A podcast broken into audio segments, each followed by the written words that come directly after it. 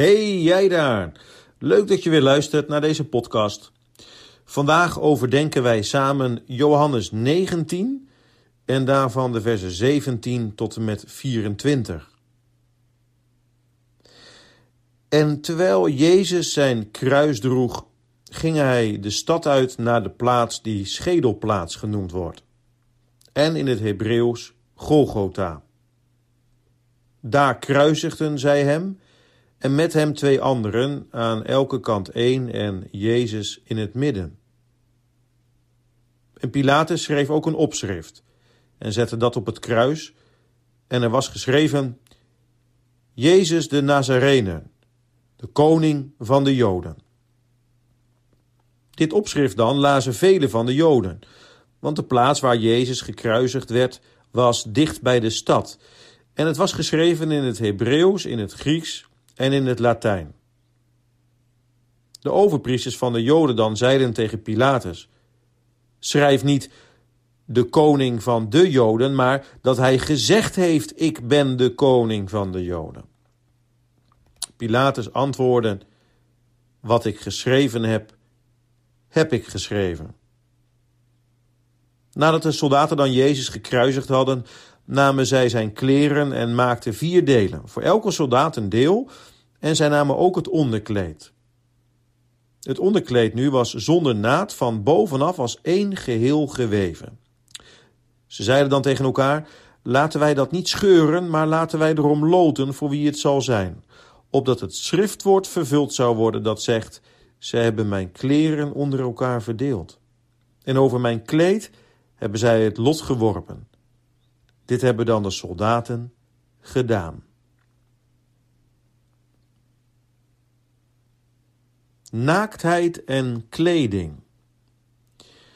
Twee dingen die in onze samenleving een grote rol spelen. Ongevraagd kun je bloot en naaktheid zomaar tegenkomen op billboards, maar ook het internet is er vol mee. Maar wat leert de Bijbel eigenlijk over bloot en kleding? In de Bijbel lezen we hoe Adam en Eva, nadat ze in zonden zijn gevallen, zich voor het eerst schamen omdat ze allebei naakt zijn. Naaktheid en kleding houden na de zondeval verband met onze zonden en schuld. De schaamte over onze naaktheid is eigenlijk de reden waarom de mens kleding draagt. En tegelijk is onze kleding dan een herinnering aan de goedheid van God. Want het was de Heere zelf die, nadat Adam en Eva merkten dat ze naakt waren, kleding maakte van de huiden en hen daarmee bekleden. God bedekte onze schaamte weer in zijn goedheid. Dus ook onze kleding van vandaag spreekt aan de ene kant van onze zonden en aan de andere kant van Gods genade. Daarom is wat er gebeurt op Golgotha, wat we zojuist gelezen hebben met Jezus, zo vernederend voor hem. Want terwijl Jezus aan het kruis hangt, trekken ze hem zijn kleding uit. Naakt hangt hij aan het kruis. De heilige Christus, die zelf geen enkele zonde heeft gekend. Hij wordt vanwege onze zonde naakt aan het kruis gespijkerd. De Jezus, onze zaligmaker. Hij is met onze schaamtevolle naaktheid bekleed geworden. In onze naaktheid heeft Hij geleden. Niets was er wat Hem kon bedekken. Toen de zonde van de wereld en de schuld en de angsten van de hel en de vloek van God over Hem werd uitgestort Naakt moest Jezus hangen in onze plaats. Zelfs de genadige bescherming van Gods kant over de menselijke schaamte van onze naaktheid werd hem ontnomen. Adam en Eva kregen van God in zijn genade nieuwe kleding in het paradijs.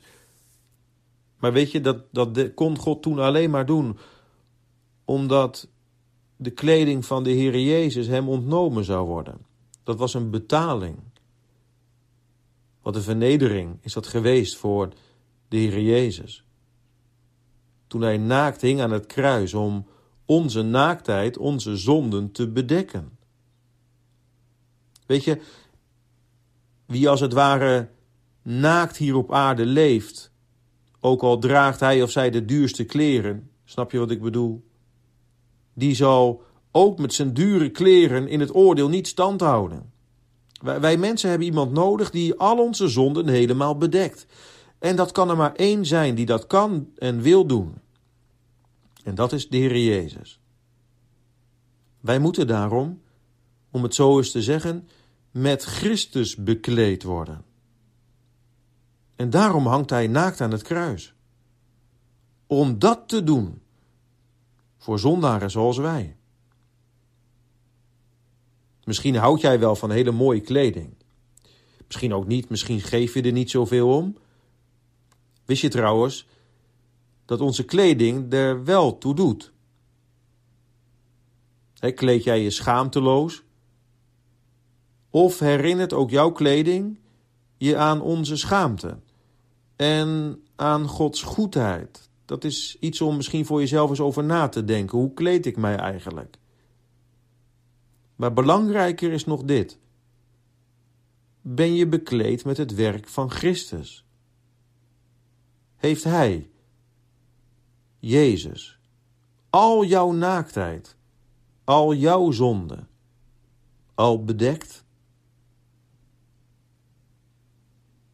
Zullen we samen bidden? Heere God in de hemel, wat moet dat voor Adam en Eva een vreselijke ontdekking zijn geweest dat zij zagen en merkten dat zij naakt waren, dat ze zich schaamden voor elkaar. Dat daar de zonde kwam in uw goede schepping die zo perfect was. En wat bent u goed dat u toen Adam en Eva geholpen heeft en kleding voor hen heeft gemaakt. Dat was genade, heren, van u. En nu zien we, als we samen nadenken over de kruisdood van Jezus, dat dat was vanwege zijn lijden en sterven. Dat u zo genadig bent. Dat hij daar in onze plaats naakt aan het kruis heeft gehangen. O Heere, wat bent u liefdevol. Help ons om in die liefde te groeien. Wilt u onze naaktheid bedekken, onze zonde vergeven? Met het werk van de Heere Jezus. Stop ons helemaal onder met zijn werk en vergeeft u ons al onze zonden. Hoort u ons zo, Heere, in de naam van uw lieve Zoon, onze Heere Jezus Christus. Amen.